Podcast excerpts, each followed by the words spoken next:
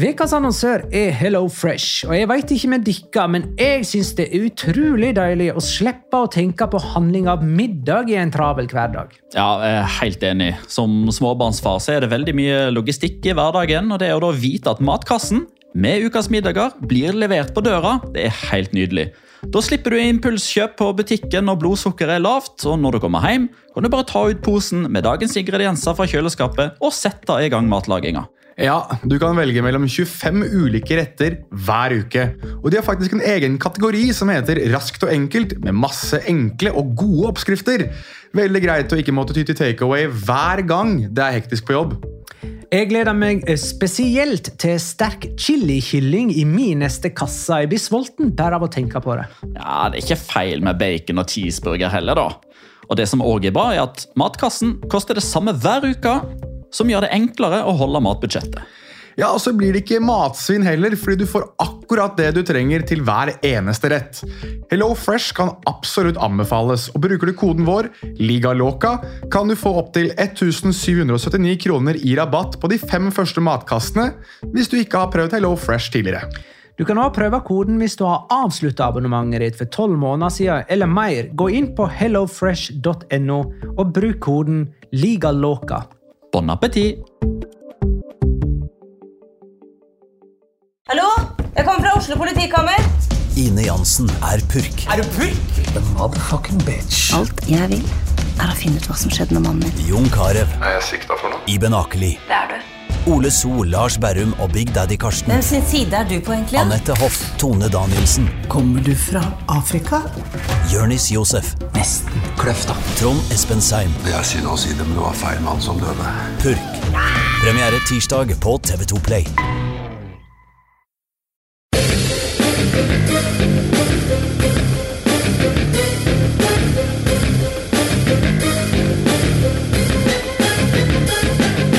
Har du sett? Barcelona er endelig kvitt Ronald Koeman, og dermed kunne laget slå seg løs med ett poeng mot Alaves framfor 60 000 tomme seter på kamp nå.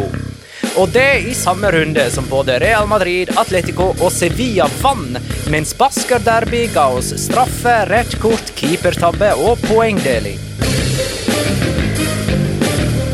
La liga loca. En litt gærnere fotball. Ja, ja, ja. Dette er La Liga Loca, episode 181 av det ordinære slaget, med meg, Magnar Kvalvik, hei. Hei, Magnar. Hei, Magnar. Og Jonas Giæver, hei. Shalom in the home. Og Petter Veland, hei. Home in the shalom. Hei. Ja Jeg har lyst til å bare si sånn Runde 11, kamp for kamp, men skulle vi ha sagt et eller annet før det? Ja, du pleier jo å ha en eh, fin anbefaling til folket, ikke du det, Jonas? Jo da, det er vel uh, bare gå inn på Bare trykk på play. Ja, jeg skal prøve å ikke gjøre, gjøre om stemmen min, men uh, gå inn på Patreon Uh, Patreon.com slash La Nå har jeg faktisk lært meg at det er det det er, og ikke noe annet. Uh, der kan du donere og få Nå er det mye bra innhold der. I oktober var vi sterke, det må Ja. jeg si. Og i november så skal vi være like sterke. Ja, da Ja, mye skal ikke vi det? Skal ikke vi ha Champions League-oppsummering på Patrion denne veka? Det skal vi, det er skråblikk og det er tippetips. Kanskje kommer det en bonus. Spørs jo litt hva som skjer, da. Mhm. Vi lager jo ikke bonus eh, for Nei, at eh, hvis det ikke skjer Sergio noe, så Herrera gidder ikke vi. vrikker over uh, ankelen, liksom. Men det kommer mye stoff på patreon.com slash La Liga Loca. Sånn, da har jeg tatt den stemmen. Og så kan man for så vidt også gå inn på uh, Twitter-siden vår, som nå er fremdeles at eh, La Liga Loca. Der kan man også gå inn på vår nettbutikk. Ja. Og halloween var dritkjedelig. Runde 11 kamp for kamp, Har ikke vi fått uh, ny, nye T-skjorter med bare klubbemblemet vårt? Det har vi. Det som, eh, Som kan siden- kjøpes. som nå kategoriseres som drakt. Eh, man kan kjøpe det, og man kan til og med kjøpe navn og nummer på ryggen hvis man vil. Det er valgfritt. Hvis Må, vi ja, for det må ikke stå 21 jæver bakpå. Må ikke. Nei. Det hadde vært ganske gøy hvis alle måtte ha 21 gjever på ryggen. Hvis vi skulle, men dette er T-skjorta med klubbemblemet på. Ja, ja, ja. Men hvis vi skulle hatt ei drakt, Mm. liksom, hvis du skulle ha sett ut som ei fotballdrakt, hvordan hadde hun sett ut da? Sett ut eh, som Raiva i karneval. Vi har jo lynet i logoen vår. Vi har jo alle element i Ja, vi har bjørnen òg, da. Ja. Bjørnen har vi, vi har krona, Flaggermusa. Flaggermusa er der. Flaggermusa har vi. Eh, altså, jeg snakka mer sånn draktfarge. Skulle det ha vært stripete? Det måtte, er den rød eller er den gul? Eller er den rødgul striper, sånn som uh, Senjera-flagget f.eks.? Jeg, liker det best svart. Jeg, altså, jeg ville hatt ei svart eh, drakt. Ja, som den gamle den derre Podmobil-drakta som vi ga ut, husker du den? den, den der, da vi hadde sånn Podmobil og sponsa av eh, Hvem var det vi sponsa av da? Vi sponset- Ford. Var det Ford, ja? Mm, så hadde vi en, en sort drakt som vi ga vekk til Men det, ja, det Magnus. Garung. Var den som vant den drakta. Var ikke den litt kul, da? Den var dritkul. Jeg har faktisk et bilde av den her. Eh, Det, hvis du søker La Liga Loca på Google, så er det det tredje bildet som kommer opp, der det står Fiesta på ryggen. Ja. Ford Fiesta. Ja. Eh, Jeg var, hadde faktisk hår den gangen eh, vi hadde den drakta der, så da kan dere gjette på hvor lenge siden det var. Men det var en kul drakt. Ikke Jeg tenker at vi kunne gjort mer med den enn som så. Det var Adidas-drakt, for øvrig. Er vi glad i Adidas? Ja. Ja, nei, jeg er ikke imot Adidas. Eh, men det var vel nok smalltalk, da. Jeg har alltid trodd at det heter Adidas. Ja, men jeg Adidasler. Adidas. Hæ? Adidasler er han som grunnla Adidas, Oh, ja. derfor Adidas. Okay. Samme som Det heter ikke Nike, det heter Nike. Jeg har alltid trodd det heter Nike. Ja. Nei da, det har jeg jeg, ikke. jeg trodde alltid det heter Puma. Puma. Var ikke det broren til Adi Dassler som uh, starta Puma? Jo, de endte opp med å krangle, og da lagde Adi Dasslers bror, som jeg ikke husker hva heter men han heter Dassler Puma. Dassler? Puma Dassler. Puma Dassler lagde Puma. Uh, nå skal jeg, Det er siste digresjon på dette. Jeg trodde alltid, inntil jeg lærte meg spansk, at Homa, altså det drakt... Uh, eller- Joma. At det het Joma. Så jeg gikk løp rundt og sa Joma i alle år, og så lærte jeg meg da jeg lærte meg spansk, at her har jeg sagt feil i alle år. Litt sånn som at eh, jeg trodde at Juan Roman eh, Riquelme het Riclemé litt for lenge også. Vær så god. Ja! Da er ja, Er dere sånne som ikke åpner for eh, folk som ringer på på halloween? Nei, jeg åpner. Ja, for du har unger sjøl, du. Nettopp. Jeg hadde ingen som ringte på. Det tror jeg de skal være glad for, de eh, små barna rundt Møllergata skole. Ok, runde elleve kamp. Du satt i vinduet og kasta egg, du, Jonas. Det var veldig at det var så Det var så mørkt, og det eneste du så, var bare skjermen. Eller de tre skjermene mine med fotball. Tenkte han karen der er gæren nok, han, er, han henger ikke på oss. Runde 11, kamp for kamp, Starta med Elche Real Madrid 1-2. to mål av Vinicius Junior, som nå har skåra like mange mål denne sesongen som de tre foregående til sammen, nemlig sju. Vinicius junior. Eh, vi kan ta litt mer om de seinere. Sevilla og Sassona 2-0. Diego Carlos og Lucas Ocampo skåra for Sevilla. Ocampos skåra sitt første mål for sesongen. Han hadde ikke skåra siden april. Eh, og nå så ikke jeg denne kampen, jeg så bare høydepunkt, og da han eh, skåra, så var jo det på en keepertabbe, og jeg tenkte Sergio Herrera slår til igjen. Men det var ikke han som sto i mål. Nei, det var ikke han som sto i mål. Det var Juan Perez. eh, og det gjorde jo Jagoba Arasat et eh, poeng av eh, i, på pressekonferansen før kamp, fordi Sergio Herrera han ble jo beskyldt av eh, 102% av alle levende Real Madrid-fans for bare å holde på med skuespill på Santiago Bernabeu på onsdag. Så det benytta anledningen, eh, eller Arasate benytter anledningen til å si at eh, han er ikke skada. Han står faktisk ikke i mål, han, i neste kamp. Syns eh, litt synd på han, ja da. Han, altså, han sto egentlig ganske ok kamp, syns jeg, men uh, to Hvem er du syns synd på? Juan Perez. Ja. Han fikk jo ballen midt i planeten fra Var det Lucas Campos, eller var Ja, det Det var Ocampos, det òg. Ja.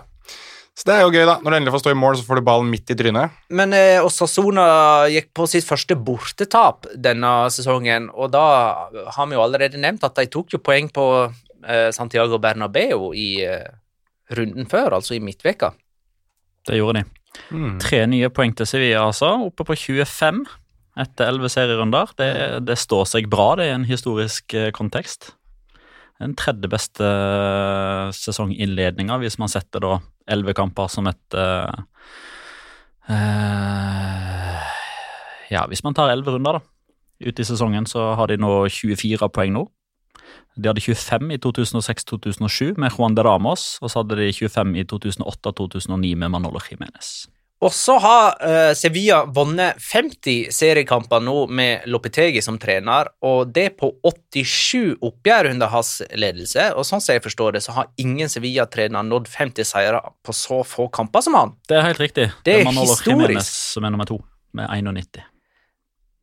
Ja, Det er jo faktisk litt oppsiktsvekkende. Det er faktisk litt oppsiktsvekkende at han er nummer to. Ja, det, det er sant. Men eh, et eller annet på gang i Sevilla inntil de møter veggen rundt juletida.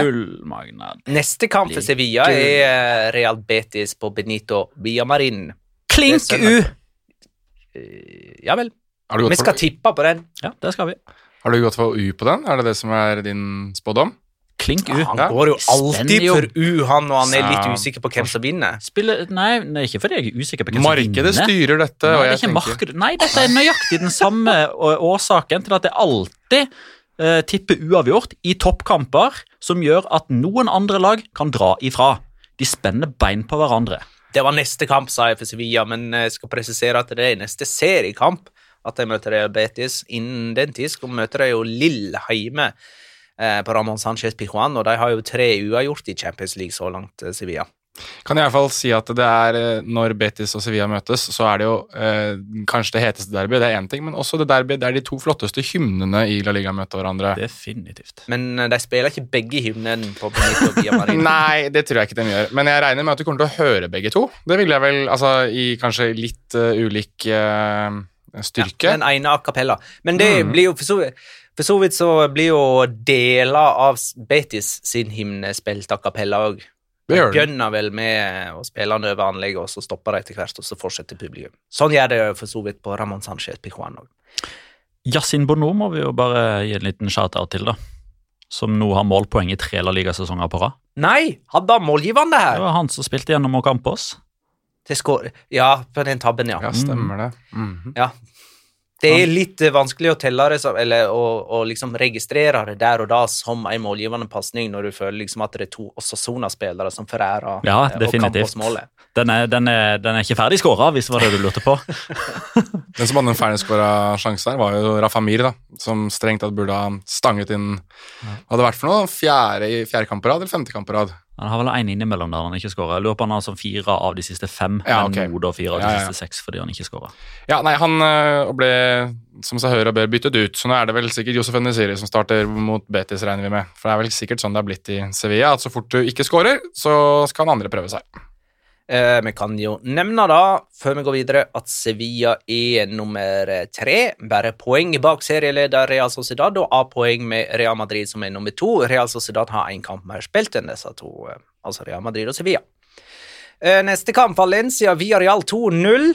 Valencia hadde sju strake seriekamper uten seier, men så kom endelig Villarreal på besøk. Da skåra til og med Ogo Guillamon, i tillegg til Carlos Soler, som har gjort det til si greie og skåra på dårlige straffespark.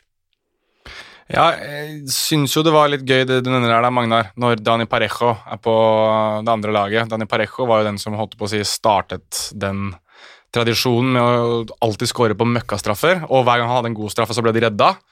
Her eh, var det litt sånn takk for sist fra, mm, fra Carlos Soler. Det syns jeg litt artig. Og så må jeg jo nesten spørre Petter, da, var det noe, var det noe følelsesuttrykk fra Giamon på scoring, eller var han like dau i trynet som nå som han pleier å være? Det, det la jeg faktisk ikke merke til. Nei, men Han sto med ryggen til kameraet når han jubla, for han, sto, eh, han så mot publikum. Nei, det var faktisk litt følelser der, altså. Det var det. Litt. Grann.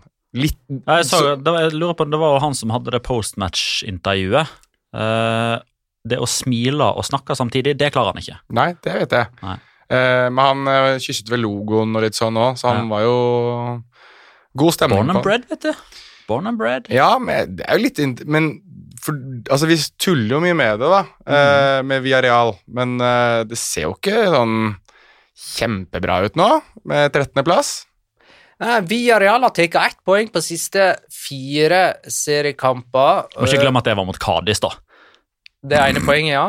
Eh, og jeg hadde jo tenkt at det kanskje snart begynte en diskusjon om Unai Emeri sin eh, posisjon i eh, Villarreal, men så ser jeg at han plutselig er aktuell for Newcastle, og da hvis man finner en sånn løsning, så vinner jo alle parter, bortsett fra Newcastle. Ja, jeg er litt usikker på sannhetsgehalten, eller For det var jo du som sendte den eh, rapporten, Jonas, med liksom hvor troverdig Patrick Berger er. Eh, det er vel ikke han. Patrick Berger? Det er ikke han Patrick Berger. Nei. Eh, Det er ikke gamle Liverpool-spilleren, men da men da var det liksom snakk om ah, skal betale kjempesum til Via. Da. da Da snakker vi. Men i, i utgangspunktet så er jeg veldig lunken til å bytte trener nå, som uh, Villarreal-supporter. Nei, han, eh, Patrick Berger pleier å være veldig flink, eh, så jeg, ble, jeg syns det var litt sånn oppsiktsvekkende at eh, plutselig Ona Emery var, eh, var nevnt. Han har jo ikke vært nevnt tidligere, men nå er det veldig mange som nevnes i forbindelse med den Newcastle-jobben. Men jeg syns det var eh, litt interessant, i hvert fall, at eh, han dukket opp, at det var greit å ha han nevnt at også Unai Emery kan bli Tunai Emery, hvis eh, Hva det betyr? Toon Army, og det er Ah, ja. jo supporterne til Newcastle, så da kan de jo få Tunai Emery. Det hadde jo vært litt moro, men um, Armory? Armory? Tunai Armory? Eller Tunai Army? Det blir jo blir en, det blir jo blir en andre sånn Midtøsten-klubb han tar over, da. Etter Ja. PSG. Det gjør det, og det er jo Saudi-Arabia og Qatar som ikke akkurat har vært så veldig glad i hverandre. Så det kan jo Kanskje det tenk, tenk det! Peace in the Middle East. Så er det Ona Emery som står for det. Good evening til hele Midtøsten. Neste kamp for Villarreal er mot Young Boys på tirsdag. Det er på La Ceramica. De slo jo Young Boys med Var det 4-1 i Bern? Ja. På kunstgraset der. Wankdorf. Det er en morsom historie, men den skal jeg ikke ta. For det er sånn Du har tatt den før. Det er rated R-historie. Men uh, uansett, uh, jeg vet ikke om det er lov å si Villarreal slår Young Boys. Jeg syns det fortsatt høres feil ut i mine, mine ører. Lurer på om Young Boys snart må finne et nytt eh, klubbnavn med, med den bevisstheten Men hvorfor har vi ikke fått en vennskapskamp mellom Young Boys og Newells Old Boys, lurer jeg på.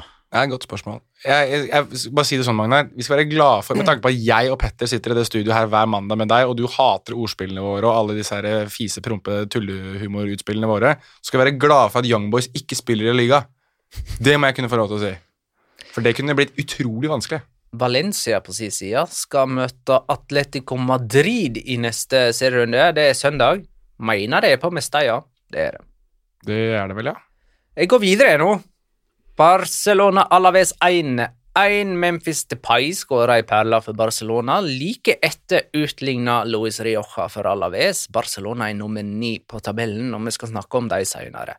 Cádiz Mallorca 1-1. Idris Baba sendte Mallorca i føringen, og så, for tredje kamp på rad, mista Mallorca poeng på overtid da Negredo utligna på straffe for Cádiz i det tredje tilleggsminuttet. Um, Mallorca skåra tidlig og slipper inn seint i så å si alle sine kamper. Ni av deres elleve mål har kommet i første omgang. 13 av deres 17 baklengs har kommet i andre omgang. Du skal sette penger på Mallorca, så er det at de skårer i første og slipper inn i andre. Har du lyst til å ta den nå, eller skal du etterpå, Petter? Du må jo nevne Daniel Rodriguez-greiene. Ja, jeg, jeg trodde det var en del av din locora. Jeg. Ja, men da skal du få lov til å fortsette på det etterpå. Da Ja. kan lytteren bare feste setebeltene. Ja. Men uh, dette, dette her var jo rundens kamp. Den klart mest gøye kampen å sitte og se på, mener jeg.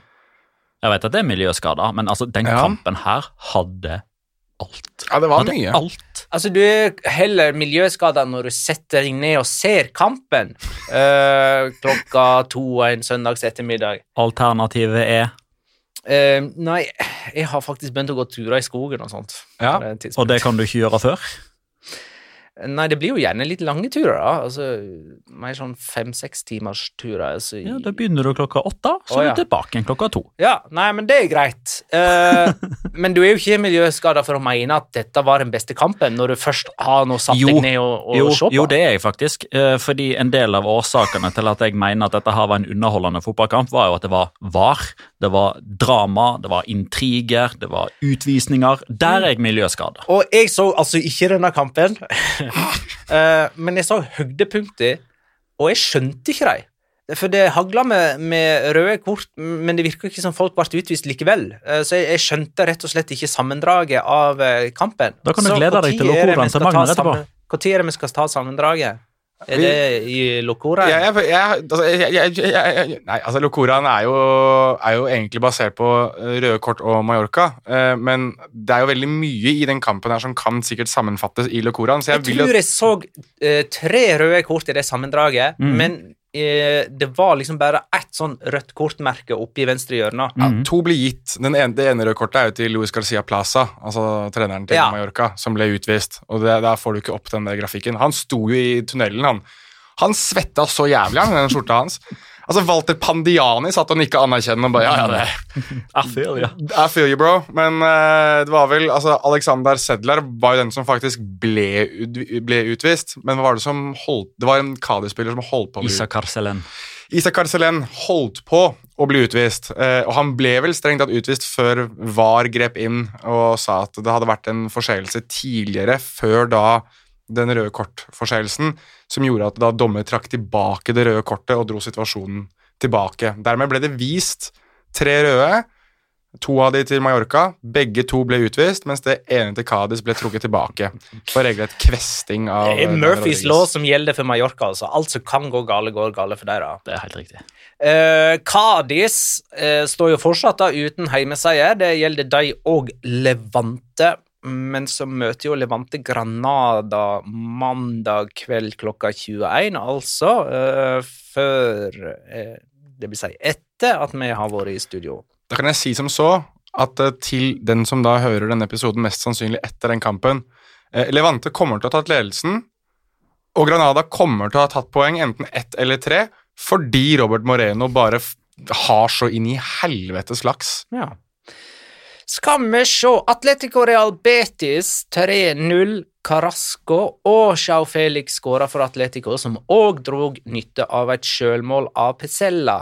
Eh, Mer om det etterpå. Getafe Spanjol 2-1. Getafe sin første seier for sesongen.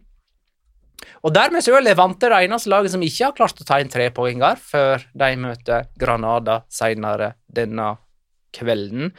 Eh, likevel, da, før Granada Nei, før, før Levante har møtt Granada, så ligger jo Getafe eh, sist uansett, for Levante har jo tatt seks poeng i form av eh, uavgjort, da. Uh, Enis Onal skåra begge for Getafe. Han og Sandro Ramires er de eneste Getafe-spillerne som har skåra denne sesongen. Español spilte uten Raúl de Tomàs, som fikk rødt kort mot Atletic i midtvekerunden, og det forklarer jo dette nederlaget, selvfølgelig. Enis Onal med brassespark, til og med. Ja, den minst getaffete skåringen jeg har sett på en stund, tror jeg. Ja. Ja, en pen skåring, liksom. Ja, altså de har jo gjerne et kremmerhus av Damian Suárez eller Mauro Arambari i løpet av sesongen nå, som bare er sånn når du ser det, og du kan liksom ikke forklare det, men ellers så er det jo bare drittskåring på drittskåring på drittskåring. Ja. Så det er litt hyggelig at enes Onal da drar fram eh, det som på spansk heter en chilena. Eh, det er veldig viktig å påpeke i disse dager, syns jeg. Mm. Ja, Brassespark, brassespark, som vi kaller brassespark fra Brasil, heter da chilena, en chilener Ja. på spansk. For det at spanjolene så eh, fotball før oss, og så en chilener eh, ha, ta et brassespark, mens vi så eh, senere en brasse ta et brassespark. Og Ja. så ble det sånn, da. Det rare her er vel at uh, den, som har fått, den som er brassesparkets opphav, visstnok er Pelé. Så hvor uh, spanjolene har fått chilena, altså en chilener fra, det er jeg litt usikker på. Jeg har Det lest tror jeg var for at de så OL tilbake i 1930, liksom. Det kan godt være. Det kan godt være. Um, ikke i 1930, 1928, mer da. ja, det, det, som det, var, det som var forhistoriens VM, Uh, Ja. 24-28, ble vunnet av Uruguay. Som, det er derfor de har fire stjerner på drakta si uh, istedenfor to. De har vunnet to VM, de har fire stjerner på drakta fordi at de teller med OL-mesterskapene i 24 og 28. Ja, men OL må jo ha vært VM før 1930. Det er det Fifa har registrert, men, eh, og det er derfor Uruguay også har lov til å ha de stjernene på drakta. Men eh, jeg vil bare ha det påpekt for de som måtte lure. Et brassespark på spansk er una chilena. Mm. Jeg vet ikke hvorfor jeg ville påpeke det, men jeg syns det var greit å ha påpekt. Er vel like greit å påpeke det at det er vel ikke så mange andre nasjoner eller ja, så mange andre språk enn på norsk at det heter brassespark. Det er jo aldri en engelsk Brazilian kick. The Brazilian kick. Overhead The kick. brass kick. Brass kick! Uh, overhead kick på Kanskje svensk. de sier det i Sverige? Ja, hva sier de på svensk? da? Hvordan de sier det på svensk? Nei, det er sikkert marokkansk eller noe der. Marokkansk. En araber? Uh, nei, jeg vet ikke. En gjøtalender? Jeg har ingen idé om hva det heter på, på svensk, eller, eller på dansk for så vidt heller. På svensk så heter det sykkelspark. Riktig. Så de som Ok, ja, da skjønner jeg hvor, uh, hvor det kommer fra, ja. Sykkelspark, ja. Uh, hva er det på danska? Er det det der òg? Uh, ja, der heter det saksespark. Ikke sant? Så det er kun oss som har brassespark, da. Jeg har hørt saksespark før. Men når du er på Wikipedia nå og sjekker sånne ting, kan du liksom søke brassespark, og så får du det opp som sånn norsk resultat? Ja. Oi. Ok. Jøss. Og der er det faktisk uh, Det er jo en sånn figur da, som liksom viser det sånn i, i fem akter. Og så er det et bilde av Diego Costa som utfører, utfører et brassespark mot Almeria. Eh, interessant at det er en spansk brasilianer som da gjør det. Eh, kan du er, no- Men, men ifølge, ifølge Wikipedia, da, det er jo aldri sånn at man skal stole 100% på Wikipedia, men her står det at den spanske fotballspilleren Ramón Onsaga er kreditert for å ha utført det første brassesparket i 1914. Han flyttet senere til Chile, og sparket ble senere kalt chilena. Den brasilianske fotballspilleren Leonidas da Silva perfeksjonerte brassesparket på 30- og 40-tallet. Sparket ble imidlertid først gjort verdenskjent av Pelé. I den der illustrasjonen for øvrig, eh, så er det jo sånn at hvis man sparker med høyre, så skal man løfte venstrefoten først. Ja. Det, er det, er sånn det blir sykkelspark, eh, eller saksespark, tror jeg. Ja. Men det gjorde ikke Enes Onal. Nei. Sånn at det er sagt. Så da heter det sikkert noe annet. Det heter egentlig ikke sykkelspark, det Nei. han gjorde. Nei. Real Sociedad Athletic 1-1. Isak sendte Real Sociedad i føringen fra straffemerket. Iker Muniain utligna på frispark på overtid etter en tabbe av Real Sociedad-keeper Alex Remiro. Den kommer vi tilbake til senere. Nå skal vi snakke om eh, Barcelona. Dere lagde jo en bonus uh, forrige uke, gjorde ikke det? Om, eller i alle fall Petter. Ja, vi òg, altså. Du var med Du har ikke hørt den, altså? Eh, jeg så din video på 15 minutter, og så har jeg ikke fått hørt den mer omfatt... Altså det som var en podkast, da. 34 minutter var den på. Ja, det var altfor langt. Ja. Nei, ikke gå tilbake og hør den, altså, hvis du ikke har hørt den ennå. Mm, det handler jo om at Koman fikk sparken ja. for Barcelona etter tapet for Rayo i midtveka, og vi venter nå på offentliggjøringen av Xavi som eh, deres nye trener. Veit vi noe mer der? Ja, altså eh, Barcelona har jo selvfølgelig klart å kuke dette til også. Ehm, ja, altså det, det, Ansettelsen av Xavi? Ja, eh, fordi Al-Sad har jo egentlig sagt ganske klart at ja, vi lar han gå, vi. Uh, Iallfall ifølge rapportene. Vi lar han gå, vi, men da må dere betale. Dere må betale for at han skal gå. Han går jo ikke bare sånn uten videre. Og i tillegg til at uh, Al-Sad vil at uh, Barcelona skal betale, så vil de at han skal bli værende også de to neste kampene, for da er det et langt opphold i den qatarske ligaen, som da er vel et opphold fram til desember, tror jeg, eh, hvis jeg ikke leste feil. Um, og greia er jo at Barcelona har jo strengt tatt sagt at uh, nei, vi kan ikke betale, vi har ikke penger. Så da er jo da løsningen nå blir at man eventuelt da må få Chavi til å betale, eller at det må bli en kompensasjon. Og noe av kompensasjonen går på at eh, Al-Sad vil at eh, John Laporta skal reise til Qatar. De vil at han skal komme ned og liksom Sikkert en form for markedsføringsgreie å ta folk i hånda og liksom vise at Qatar faktisk er en maktfaktor. Det er nok noe litt sånn prestisje over dette her også.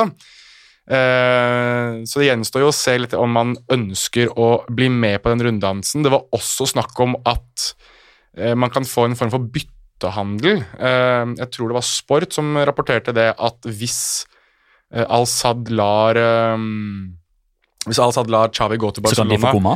Så vil de ikke ha Koman, men de vil ha da enten Garcia Pimenta, Dennis Silva, Oscar Lopez eller Jordi Roura som sin nye trener igjen. At de, Dette er trenere i apparatet til Barcelona. ja, Garcia Pimenta er vel, var vel B-lagstrener. Um, Roura, Ja, han fikk jo, han fikk jo fyken. Ja, Rora var vel uh, trener mellom Ernesto Valverde og Kikki Setien, ikke han det? han var, vel, eh, han var vel den som hadde interm, ja. Uh, eller var i hvert fall Nei, Jordi Rora var den som eh, Det var jo inne i Villanova-perioden. Ja, det var det! Det var han som Så langt tilbake. Ja, det stemmer. Det var han som For det var vel Var det ikke enda en som Var det ikke to stykker Det var jo først Tito Villanova, og så var det enda en som var borte i hvert fall én kamp, og så var det Jordi Roura som hadde ansvaret. Ja, han hadde sånn 17-18-19 kamper der. Ja, riktig. Ja. Og så kom Tata Martino, og så Luis Henrique. Riktig. Men um, alt tyder jo på Dette her virker som det rett og slett bare er byråkrati før Chavi tar over. Men jeg syns det er greit å ha nevnt.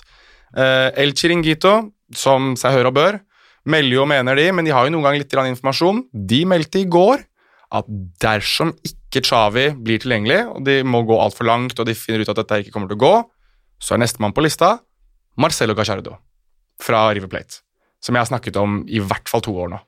Og han er på utgående kontrakt i River. Ja, det står under min overskrift 'Påstander 2021-2022' at Jonas har sagt den 4. oktober at eh, Marcelo Gallardo eh, sign blir signert i januar av Barcelona. Ja ja, vi får nå se på det, da. Få se. Men eh, ja ja, du meldte det tidlig. Jeg 4. lurer, oktober. jeg lurer på om ikke jeg sa også det at hvis det der skjer, så kommer det til å være verdens mest ulidelige podkast å være del av etterpå, for da kommer jeg til å være så høy og mørk. Så jeg håper jo egentlig ikke at det skjer. Um, Barcelona Vi kan jo snakke litt om det som eventuelt da blir oppgaver for Xavi. Eh, for uh, det er greit nok Barcelona kan vel bare se langt etter noe ligatittel, og det kan de jo for så vidt leve med, men de kan ikke leve med å komme, havne utenfor topp fire. Det er vi vel enige om. Det er vi enige om. Økonomisk så er det i hvert fall fullstendig krise. Med mindre de skulle vinne Europaligaen, da. Mm. Eller Champions League. Og akkurat nå så tar Barcelona i snitt ett og et halvt poeng per kamp, altså de har 16 poeng på 11 kamper. Det vil gi en sluttsum på 57 poeng, så det sier seg sjøl at eh, Barcelona de må forbedre seg, eh, skal de ta fjerdeplass. Altså, eh, med 57 poeng Malaga klarte faktisk å ta fjerdeplass med 58 poeng i 11-12-sesongen. Det er det svakeste poengsummen et fjerdeplassert lag har tatt i La Liga, i alle fall siden trepoengssystemet ble innført. Forrige sesong så hadde det holdt, til en solid åttendeplass. Ja, Det er omtrent der Barcelona ligger nå, som nomini. Ja. Ehm, og så kan vi jo gå ut ifra at Barcelona de kommer jo til å bli bedre. Eh, de kommer ikke til å fortsette med et så lavt poengsnitt per kamp. Eh, Men det er jo umulig å si hvor mye bedre de eh, blir. Men la oss si de tar to poeng per kamp herifra og inn, da. Det er 27 runder igjen. Da ender de på 70 poeng. Og hvis man tar forrige sesong til grunn der, så vil det òg være for lite til en fjerdeplass. For eh, forrige sesong så tok Sevilla fjerdeplassen med 77. Så hvor kritisk skal vi si at det er da for Barcelona?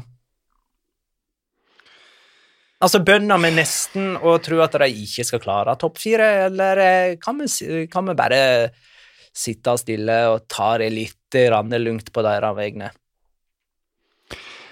Ah, Jeg syns det er vanskelig, ass. Eh, altså, alle varselslamper burde jo ha gått der for ganske lenge siden. Altså, resultatmessig så sa vel også eh, John Laporta at de egentlig har brukt for lang tid med å sparke Ronald Koeman. Så de har jo tydeligvis sittet og sett på at dette her har gått, at det skipet bare har sunket uten å gjøre noe, helt til strengt tatt hele skroget lå under eh, vanndekket. Så den, altså den herkuliske oppgaven, for å bruke et litt sånn flåste begrep, som, som Xavi eller Marcelo Gajardo eller en annen trener må gjennomføre her, er jo nesten uhørt, eller?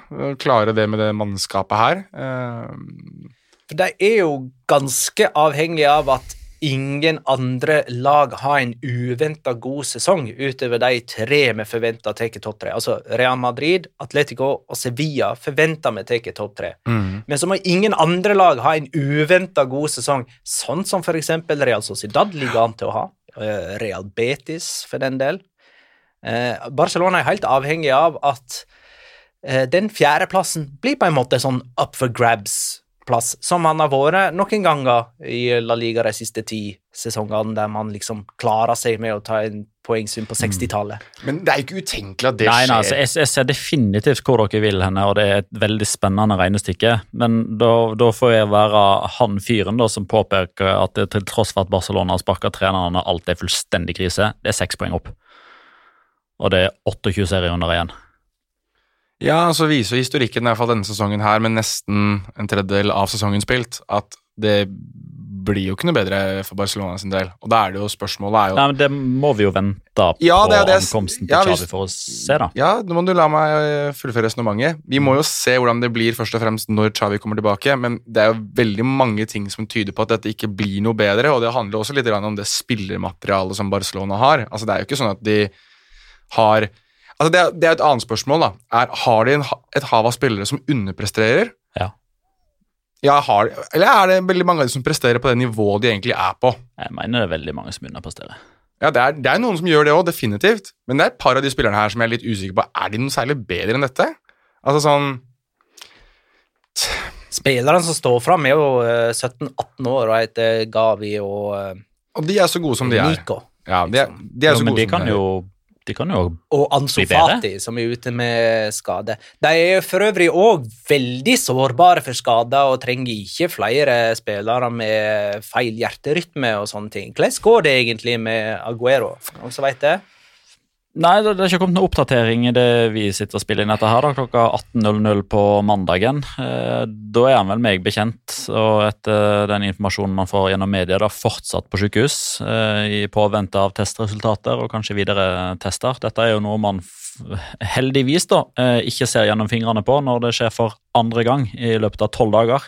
Ja. For det var det jo El Pais eh, som nevnte i løpet av søndagen der, at dette, dette følte Aguedo òg for, eh, for ti dager siden på trening, at her er det et annet som ikke er 100% men da korrigerte det seg sjøl ganske tidlig. Så det er jo helt åpenbart at det er noe som må I alle fall altså Nå er jo ikke jeg noen hjertespesialist på noe som helst måte, men altså alle de artiklene man skriver og sånn, tilsier at dette er i, i brorparten av tilfellene både normalt og helt ufarlig, men det må holdes i sjakk, det må kontrolleres, det må monitoreres, kanskje må man gå på noen form for medisiner.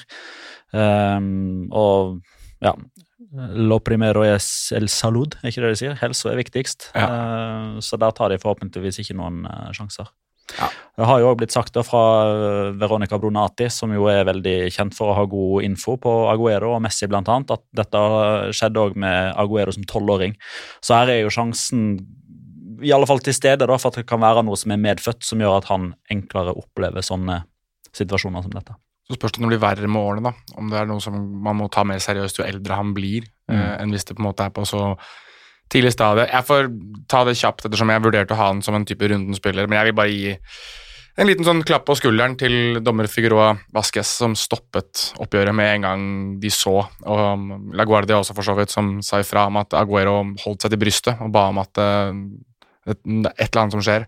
At, ble, at kampen ble da st- stopp i spillet med én eneste gang uh, for å hjelpe Aguero. Fordi det Jeg syns sånt er ekkelt å se på. Når han la seg bakover der også, så tenk, men det, Jeg tenkte med en gang på um, de av oss som er gamle nok til å huske Miklos Feher, som uh, man strengt tatt ser dø på banen for Benfica. Det er Jeg fikk litt sånn grøss nedover ryggen. Det kan godt være at det var fordi det var halloween, eller nesten halloween, men uh, det var nok mer fordi at jeg mener jeg har sett lignende situasjoner før, der utfallet har vært mye, mye verre. Så det var em, to tomler opp til uh, Figueroa Vasques. Aguero ut, da. Eh, Piquet ut med skade. Eh, men Mange tilbake nå, da. Ja, det var det jeg skulle si. At ja. eh, Nå har jo troppen til Kiev-kampen kommet. Araujo er tilbake, Ansu Fati er tilbake, Dembélé er klar igjen, og Frenke de Jong er klar igjen. Det er jo noe av det som er inne i materien her, når man forsøker å finne årsaker til poengsnittet til Barcelona og muligheten for at det skal øke.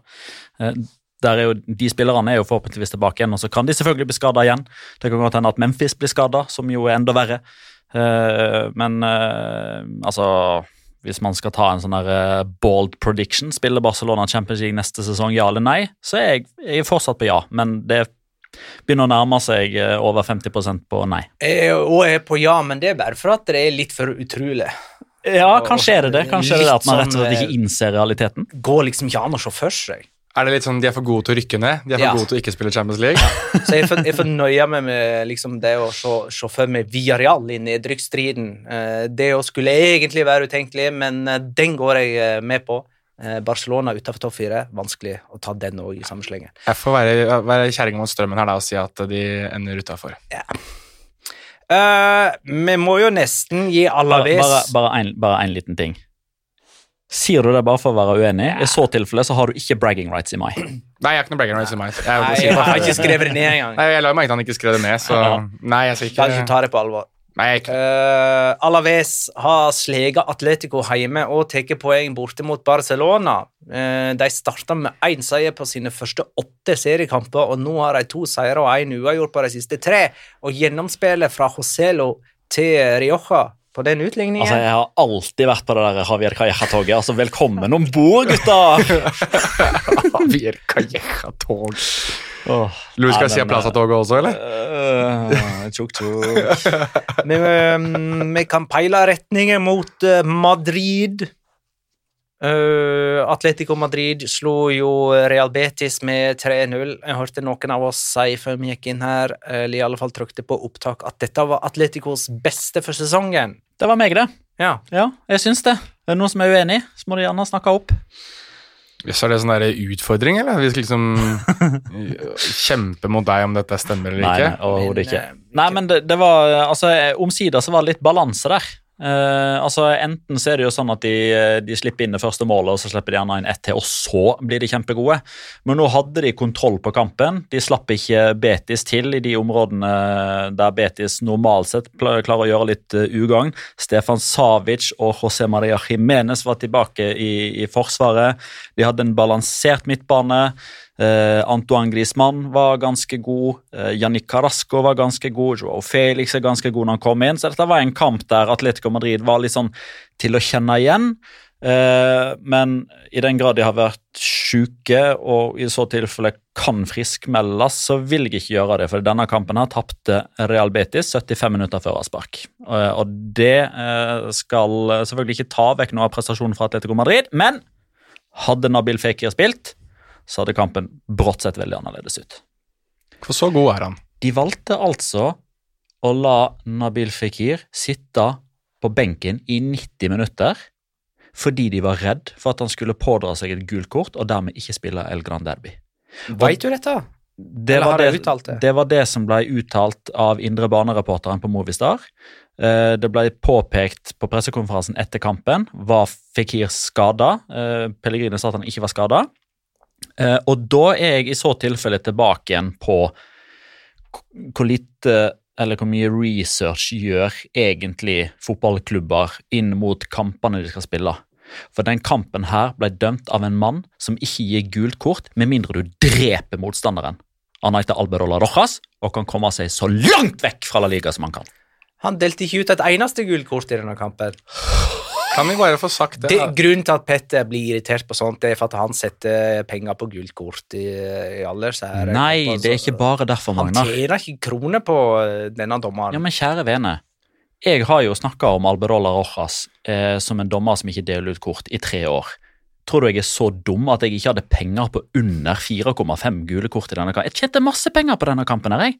Du- Fordi jeg visste at han ikke kom til å dele ut så mange kort som kortlinja var på. Ja. Basert på at Atletico Madrid og Real Betis er blant de lagene som pådrar seg og pådrar motstanderen flest gule kort.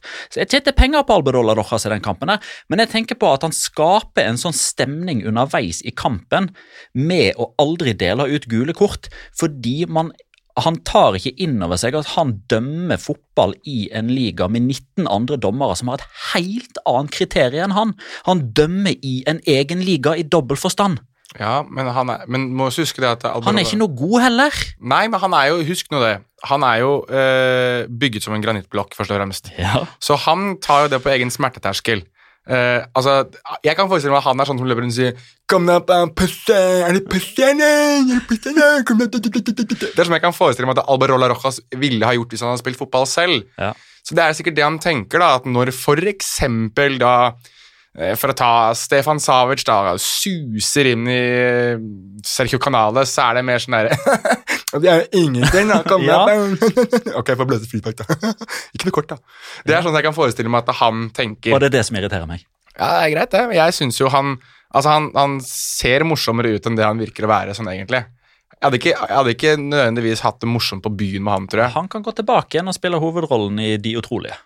Felix skåra sitt første mål for sesongen. Det var hans første siden februar. 24 kamper uten mål for Atletico og Portugal hadde han. Kanskje han kom inn i den fire-fem kampersperioden sin nå. Eh, I så fall bra timing til Anfield-oppgjøret denne veka. Ja, vi kan godt hylle Joa Felix, men jeg vil også eh, bare ha Dette vil jeg ha stadfestet. At eh, hva angår offensive spillere i La Liga, så mener jeg at Janne Carrasco er den mest undervurderte. Han er, altså Når han skrur på, så er han så insane god. Den scoringa her er altså Først inn, så ut, og så opp i nettaket i nærmeste på Claudio Bravo. La Ligas beste wingback.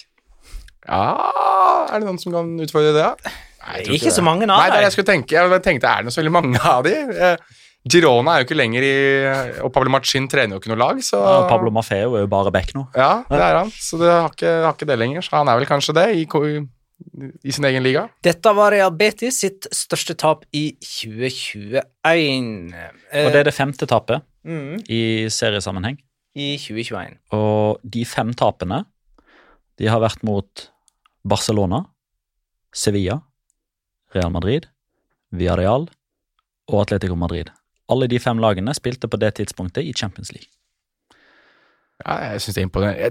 Når du er inne på klubber som kan dytte mm, Barcelona utenfor um, Champions League, så har jeg de der, der oppe, sammen med Real Sociedad. Real Madrid slo altså Elche eh, på Det heter Martin, eh, Martinez Valero stadion. Mm Jeg stokker ofte om bokstaver og sånt eh, når jeg skal si det navnet. Eh, eh, Vinicius Junior viser han, han skal vi ta på alvor nå, sant? Eh, Han er ikke bare et uh, konsept og sånne ting. Eller og ikke bare i god form. Han har eh. vært en del av et konsept. Ja, men han, han er god, han nå, liksom. Han er en av de store Altså, eh, han, han har bare tatt den verdensklasse eh, kleshengeren som har hengt over Eden Hazard en periode nå, og bare tredd seg sjøl ned på den. Ja. Eh, Mariano Diaz spilte jo i fravær av Karim Benzema. eh, Og la opp til det første målet til Venicius eh, Junior. Jeg syns han stort sett har positive involveringer når han spiller. Jeg. Han er jo alltid involvert i et eller annet. Altså, det er liksom Bermuda-triangelen. Eh, hvor er Jimmy Hoffa, og hvorfor har ikke Mariano Diaz nummer sju for Real Madrid lenger? Det er liksom de, de tre verdens Eller de tre mysteriene som oh. verden fremdeles lurer på.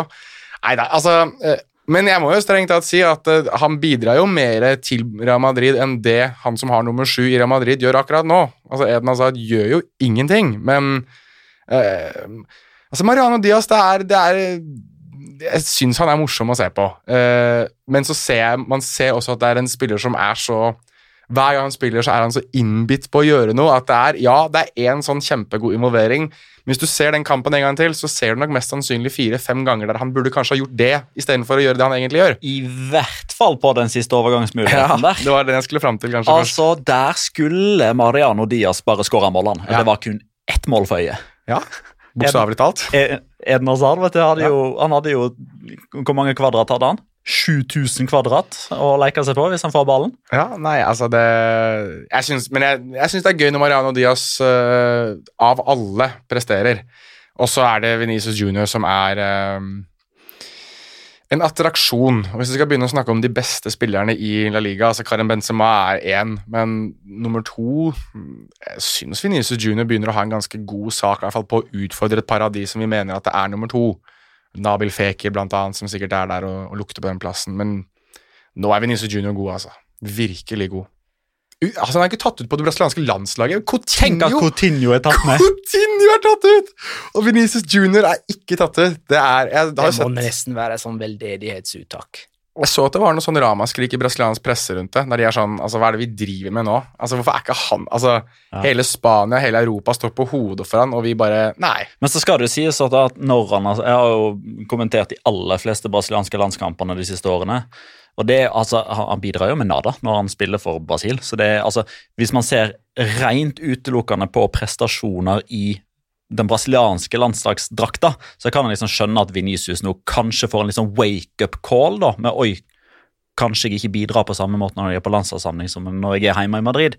Det kan jo hende at det er det som er målet til teacher her, da, og rett og slett bare få røskene i ørene litt og si du, kom igjen. Real Madrid møter Sjakta Donetsk på onsdag i Champions League. Spiller tidlig kamp, eh, faktisk. eh, Kvart på sju. Ja, jeg må bare få tatt det, da, at Elche fikk jo et rødt kort i den kampen her. Mm. Og det kunne jo ikke vært en mer passende spiller enn han som heter Raúl Guti. Mm. Raúl Guti fikk, ble utvist mot Real Madrid. Og det, og det som er ekstra kult med at det er nettopp Raúl Guti som blir utvist, altså utvist, det er jo at i utvisningssammenheng Raúl aldri utvist, Goti, tredje flest i historien. Så du har liksom topp og bunn som møtes i Raúl Guti, rødt kort. Skulle han jo aldri ha hatt, da, men uh... Den uh, siste kampen som ble spilt i La Liga denne helgen, altså søndag kveld, det var Basker Derby mellom Real Sociedad og Atletic Klubb. Det var ei Unnskyld meg. Det var elleve egenutvikla spillere fra start i denne kampen. Fem utvikla av Real Sociedad, seks utvikla av Atletic. Tre av de spilte for motstanderlaget. Ja, jeg tenkte på Det må jo vært noen som spilte for Sånn som Inigo Martinez, Mhm, som spiller for Atletic, er jo flaska opp i Lareal. Mm -hmm. Og jeg skal prøve å ta alle. Ja, det er to til. Ja, det skjønner jeg. Uh, Mikkel Merino, kanskje? Nei. Nei, han han er også også Sona. Eh, Men det var jo en annen av de som uh, virkelig stjal overskriften til slutt, da. Alex Remiro, selvfølgelig. Mm, Han har jo Keeperen til Real Sociedad. Baskonia og Atletic, ja. Mm. Og så har hun en som vi kanskje kjenner bedre som en sånn Eibar-spiller fra tidligere. Dani Garcia. Dani Garcia spiller for Atletic, utvikla av Real Sociedad. Ja. Mm. Isak uh, ble um, jeg har skrev at han har vært matchvinner. Eh, tydeligvis så satt jeg og jobba med dette underveis i kampen. Jeg gjorde det, jeg hadde en eh, tweet klar. Jeg Jeg bare skulle trykke 'send' med Isak som matchvinner, og ingen baklengs på Anueta. Nei, den måtte, den måtte skrotes. Isak skåra på straffe for eh, Real Sociedad i sin hundrede kamp for klubben. Han er den nest yngste utenlandske Real Sociedad-spilleren som runder 100 offisielle kamper for klubben. Eh, Oi. Jonas, eh, quiz igjen til deg. Hvem er den yngste? Som har rundt 100 kamper. Mm. Utenlandsspiller. Utenlandsspiller spiller uh, Yngste Real Sociedad. Oi uh, uh. Antoine Griezmann? Yay! Ja. Veldig bra. Han hadde ikke fulgt 21 engang, mens eh, Isak har runda 22. Han har skåra i eh, de siste fire oppgjørene. Ja, bra. Virka, virker bra, han altså.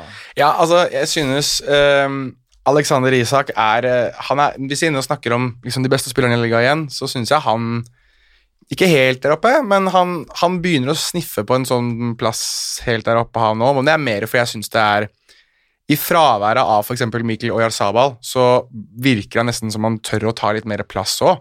Altså, han er en, en Jeg syns jo Alexander Sørloth gjør veldig mye bra for laget her. er Det at han jobber og sliter og gjør veldig mye av det der grøftejobben for typer som Alexander Isak, og jeg syns eh, Altså David Silva, når han er i, i form, så er han spiller han og trer han jo gjennom Isak hele tiden, og Mikkel Merino er ifølge Imanol Alguacil den beste spilleren i La Liga. Han hevder jo det, eh, så da har du ganske mye bra å, å spille på. Men, eh, men Alexander Isak nå, det er bra, altså. Og jeg syns det er ekstra moro at um, eh, Lareal fikk han på ny kontrakt, som gjør at han har jo ikke den samme utkjøpsklausulen som før. Den er jo mye, mye høyere, så de har jo 10 milliarder, eller? Nei, jeg husker ikke helt Var det 70, eller? Jeg tror det er 70 millioner euro. euro. Uh, Ikke, ikke 70 millioner, eller milliarder, ikke det. uh, Men 70 millioner euro tror jeg det er som er hans nye utkjøpsklausul. Og det er jo en god slump penger. Vil jo være den dyreste spilleren solgt derfra. Hadde vi kåra en runden spiller etter midtvekerunden, så hadde vel Matt Ryan uh, i alle fall vært nominert han. for den uh, prestasjonen hans i Real Sociedad-målet mot Celta Vigo. Men han sto altså ikke i denne kampen her. Da var Alex Remiro tilbake og hadde en kjempetappe, spør du meg. Ja, det er Ja, det tror jeg hvis du spør alle. Ja, og, og, og det var altså Real Sociedad sitt første baklengsmål på heimebane denne sesongen. ser at Marka har en eh, artikkel der de rett og slett eh, refererer til hele episoden som karma, etter at eh, ingen hadde jubla mer over utvisningen til Inigo Martinez enn Alex Remiro, som nesten sprang en sånn æresrunde når han så at sin gamle lagkamerat ble utvist. Jøss. Gjorde han det, eller? Jo, visst det. Slem. Fikk som fortjent. Ja, det, det, det var vel ikke helt i kampens ånd, det. eh, For det, det er jo et vennlig derby, det er høy temperatur, ja, men eh, du så jo eksempel Iker Munyain som kom bort og ga han en klem etter kampen, og eh, der, der var det sympati, liksom, mens eh, Alex Remiro da tydeligvis eh, hoverte. Mm, ja, underveis. Det er jo gjerne sånn at når dommeren blåser, så, Ja, sant. så, så glemmes alt sånt. Men uh, det er, jo, det er jo litt artig, da. uh, at et Basker-derby liksom blir At det blir fargelagt av så sterke aktører som har historikk hos motstanderen. eh, og det er liksom ikke bare sånn at ja, de spilte to kamper for klubben i 2014, og så har de fire opphold i Levante, Granada, Uesca og Alaves, og så havna de i den andre klubben. Altså, Inigo Martinez bare trigga utkjøpsklausulen halvveis i sesongen og gikk den veien du aldri skal gå. Eh, og Alex Remiro, som jo skulle være erstatteren til Kepa da han trigga sin utkjøpsklausul og gikk til Chelsea. Spilte én kamp, eh, så begynte agentene å kreve mye høyere lønn, fordi hallo, han er jo førstekeeper i Atletic. Rett på benken, satt kontrakten ut og gikk gratis til Real Sociedad. One Simon som tok over, og Ja. som har blitt stående siden. Ja. Så det, og som er spansk førstekeeper. Så der har han tydelig jo su- På bekostning av Kepa, som er ute. Og Alex Remiro, da, som får eh, et par slag i trynet her, da. Så da mm, viser man at Carman lever i spansk fotball også. Men jeg eh, Det må vi få sagt. Altså, eh, Nå vet ikke jeg om det var noen som han guffa på TV-en, eller hva det var, men det livet som var på Anoeta, altså den stemninga, det er sånn Første gangen jeg på en måte har sittet og sett en TV-kamp og tenkt at på lenge hvor jeg tenkte at wow, nå er supporterne tilbake igjen. Dette var gøy. Dette var skikkelig det var sånn, En av de første gangene jeg tenkte at der skulle jeg likt å ha vært. Der skulle jeg likt å Bare et eller annet sted på den tribunen, bare for å høre den, det, det livet og det koket. ganske sterk kontrast til Kamp nå, der eh, det var sånn 37 500 eh, mennesker. Og Ja. som jeg sa i introen, altså 60 000 tomme seter. Ja. 60 000 tomme Nå må vi slutte å synge om de der 20 000 tomme setene til Lyn. altså. Nå er det 60 000 og Barcelona som er den neste hiten. Klovner i kamp, kom dere på jobb. uh, men det er jo moro at det er to baskiske lag som gjør det ganske bra, da, og spesielt disse to store baskiske. altså Real Sociedad er jo serieleder, uh, med en kamp mer spilt, uh, riktignok. Atletic A1 tap på sine første elleve seriekamper. Det er første gangen siden 1969. Så har de jo bare fire seire i år, så de spiller mye uavgjort. Marcellino har aldri tapt seriekamp mot uh, Real Sociedad. Han har Det elleve er seire. en sjuk statistikk. Elleve seire og seks uavgjort. Det er bare uh, Simione mot Getafe som har ei lengre rekke uten tap mot en og samme klubb. og, det, og det er lang. Og der skåra de heller ikke før i den 18. Getafe, kampen. i alle fall, ja. Den er lang. Mm. Nei, men det var en uh, morokamp, det, på uh, Anueta, som jeg fortsatt uh, kaller Som vi, Så nærmere ble altså Alexander Sørloth at det blir den første nordmannen som vinner et Basker-derby. Det er jo nå fire nordmenn som har spilt. Ingen av dem har klart å vinne. Vant ikke Real Sociedad heller, da det vi da spilte med Inigo Martinez som skåra fra egen banehalvdel. Ble det 1-1 der, kanskje? Det ble 1-1 i den ene kampen og tap 2-1 i den andre. For øvrig så er jeg enig med deg, Magnar. Det er Anueta. Det blir aldri reale, reale arena som de prøver å få det Eller. Reale Seguros, som de også forsøkte seg på. Herregud. Nei, slutt med det. Det er Anueta. Vi får ta og kåre rundt spillere. Kan jeg godt gjøre. Ja, eh, Tredjeplass. Tradisjonen tror det er min. Uh, hvem var det? Jo, det var Ditzel Ja, Lustando, jeg det! si, det var jo derfor det var bra til Magne Det var jo kjempesegway av Magnar, det egentlig. var jo bro her som ble ødelagt av meg. Ja, Eh, og det er, jo, det er jo på bakgrunn av de to enorme involveringene han har i egen boks uh, i løpsduell mot, uh, mot Injaki Williams. Og når en hedersmann og person som Vadim Demidov sitter og liksom i detalj forklarer hvorfor dette er så bra, med at han har armen ute for å senke tempoet, for å gjøre at Injaki Williams ikke kommer opp i disse klyvene. For hvis de to hadde løpt ved siden av hverandre uten kroppskontakt Snakke, Storitz! Men han, han gjør alt riktig. Han er liksom akkurat på kanten til å lage straffespark begge gangene. I alle fall den første, der uh, touchet på ballen er like soft som softisen på sommeren. Men han kommer fra det, og er jo uh, Altså, den, den måten han får Robin Lenormando til å se ganske ok ut, det er bra. Da, uh, før vi går videre Er han en som kunne spilt på det spanske landslaget istedenfor Erik Garcia? Nei. Jeg gir opp. Vi kan heller gå til nestemann på, på rundespill, og det er jo uh, Venicius Junior. Så vi har vært inne på han nå, men, men nå er han så god at eh, vi eh, oppe og snuser på den der eh, verdensklassestatusen. Eh, I hvert fall fordi han har gjort det nå over en ganske lang periode. Altså Det er ikke bare én eller to kamper. Flere måneder. Flere måneder, og, og strengt tatt, eh, når han ikke leverer mål Her leverer han jo to mål, så er han også mm, Altså Han er et uromoment hele tiden. og Hvis du gir han litt rom og gir han litt mulighet til å drible, så får han det til å se ut som en, eh, som en tufs. Jeg gleder meg veldig til å se han i det andre oppgjøret nå mot Dynamo Kiev. Han skåret jo et helt sinnssykt mål sist gang de møttes. Så det Venezia Junior hadde jeg egentlig ikke trodd at vi skulle snakke så varmt om så tidlig i hans karriere i Real Madrid, men uh, her er vi. Ja. Og runden spiller eh, det er Enes Onal, som klarte å skåre to mål for La Ligas dårligste lag, Getafe. Det ene sågar en chilener. Eh, og sørga med sine to mål for at Getafe vant sin første kamp for eh, sesongen. Han er ikke fortsatt utlånt fra Villarreal, er han vel? Tror han er utlånt fra City. Å oh, ja. Nei, da, han er ikke det. Men han, han var jo først utlånt fra City, og så kjøpte. Og så. Han er liksom gjort som John Gudetti, var utlånt eh, hele tiden til eh, alle mulige ulike klubber. Eh, det er tid for Locora!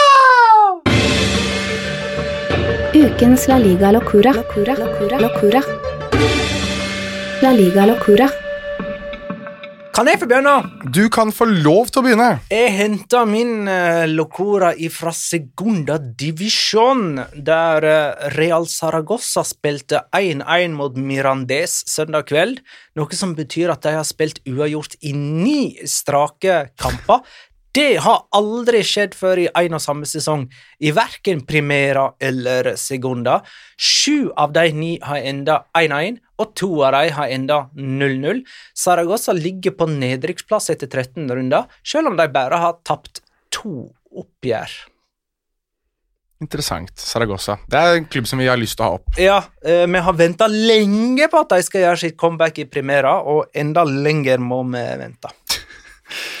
Eh, jeg kan ta min veldig kjapt. Jeg vil egentlig samtidig også gi en shout-out til folkene våre i Discord. Man kan jo komme inn i discorden vår gjennom Patron. Det er bare å gå inn på Patron og finne ut hvordan man fikser det. Det er noen tires som ordner det for deg. Men juleharen inne i discorden vår kom med en ganske bra uh, Locora, et godt Locora-forslag uh, angående Mallorca. Han skal få, få, få svar på spørsmålet sitt eh, litt senere. Han skal få svar på spørsmålet, Det er bra. Da regner jeg med at han har fått det idet han hører dette fra deg. Nei, han skal få det i discorden. Ok, bra. Uansett, uh, Mallorca de siste tre kampene har hatt minst én utvisning. Uh, og det synes jeg er utrolig Det er litt veldig gøy og veldig rart at man klarer det. Altså Mot Valencia så fikk de jo både Kangin Lee og Rodrigo Batalla utvist. Mot Sevilla så fikk de Jame Costa utvist. Mot Cádiz nå så fikk de jo da både uh, trener Luis Garcia Plaza og Alexander Sedlar utvist. Men i kampen som kom før det, altså da de tapte 1-0 mot Real Sociedad, da var det også en utvisning. Da var det Ayen Munoz som ble utvist for Real Sociedad. Så hvis man da igjen er i tippeelementet sitt, og med tanke på at motstanderen deres neste serierunde er Elche, som fikk Raúl Guti utvist mot Real Madrid, så er det jo åpenbart at det her er det bare å tippe på rødt kort. Ikke hvis det er Alberola Rojas som dømmer kampen. Uh, min locora uh, Det er en, en quiz-locora. Uh, for Levante de har jo nå spilt 19 strake uten seier. Før du går videre, Mm. etter at du er ferdig med din, så må du faktisk For nå har faktisk de lytterne våre sittet og lurt på dette Dani Å, herregud, Daniel Rodriguez-greiene. Så du må ta det etterpå. Du tok det jo. Å ja, du tenker på det som har skjedd i etterkant? Ja. da tar jeg det i etterkant. Men eh, quiz først. Ja. Quiz-lokora. Eh, Levante har nå 19 strake kamper uten seier i La Liga, fordelt på to sesonger. Ja. 2021 og 2021-22. Eh, La Liga-rekorden på 2000-tallet det er 21. Den var det Osasona som satt i 2016-2017. Så er locoraen og quiz-spørsmålet mitt. Hvem spilte for Osasona i 2016-2017, og hvem spilte for Levante både forrige sesong og er fortsatt i stallen? Altså, han har vært med på begge de to båndnoteringene.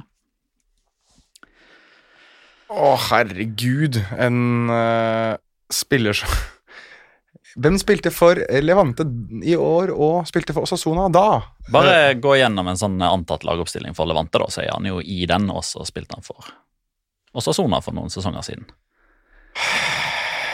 kan det være? Jeg må, altså, antatt Sergio Herrera uh, Er er ikke med på Er ikke den antatt Levante? Det er? Levante-spiller nå, ja. Han er i Ja. Levante nå. det Ja, For at det ikke skal ta for lang tid, da. Det er en forsvarsspiller. Robin Ruben West er det ikke. Oscar Duarte, nei. Eh, For å kutte den enda mer, da. Det er en venstreback. Ja, det skal jeg helt ærlig, jeg vet ikke. Vi er, vi er svake på venstrebacker hos Levante nå, altså, gutter. Ja, det er vi, altså. Det er ikke Moncayola, sant? Han er ikke Levante nå. Han er i Osasona. Altså, men er dette han eh, spilleren som rykker ned sånn fire år på rad? Uh, nei. Nei, det er ikke han. Greit. Nei, jeg har Ikke ikke Moncayola, nei. Vent, jeg må tenke Altså Han spiller venstreback, da? Jeg er usikker om Sergio Postigo spiller venstreback, ja, men nei, han er midtstopper. ja. Men han har spilt venstreback i hvert fall en kamp jeg har sett. Det er jeg ganske sikker på. Det kan godt hende. Han har eh, samme forbokstav i for- og etternavn. Nå må jeg, i, ehm, Klerk, da. Ja. Ja. Carlos Klerk. Carlos Klerk, selvfølgelig.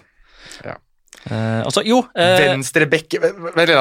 Venstrebekker Osasuna og Levante som liksom er sånn mange Du, kan forvente, du forventer ikke at vi tok den, ikke sant? Sånn egentlig? Nei, ikke sånn på stående fot.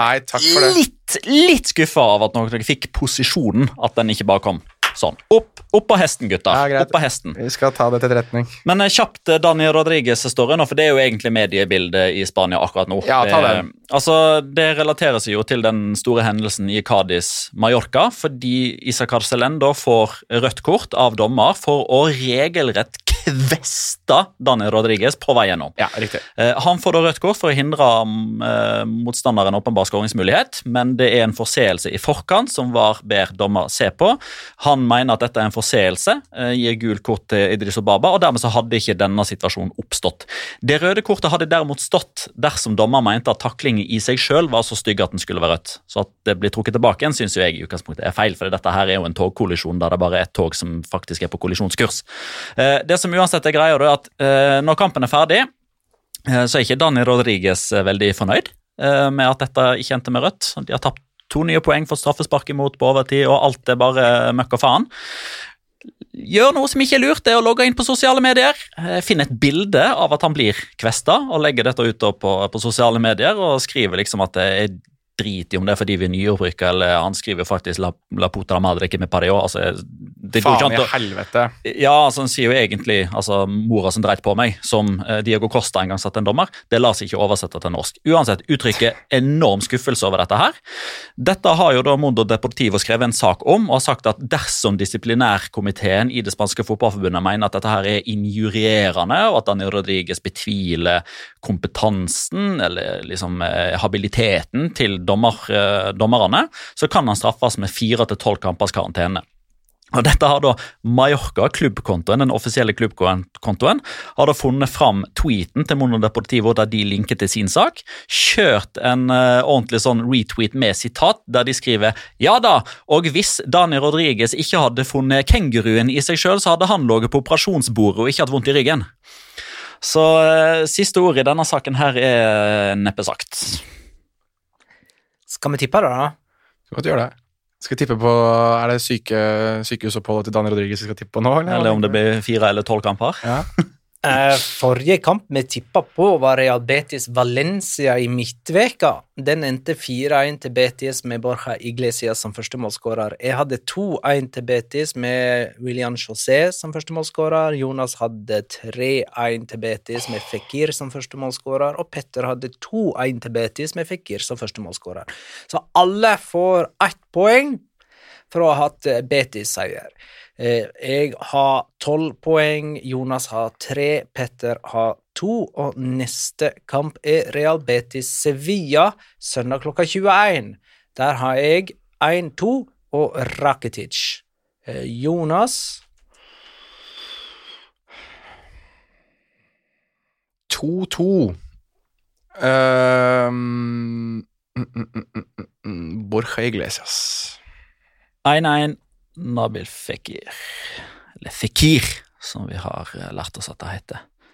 Og hvis vi har lært oss at noen heter noe, så må vi prøve å etterleve det. Fikir, ja. Nabil Fikir. Mm. Da har ikke jeg mer å si. Og dermed runder vi av. Tusen takk for at du lytta, kjære lytter. Ha det, da.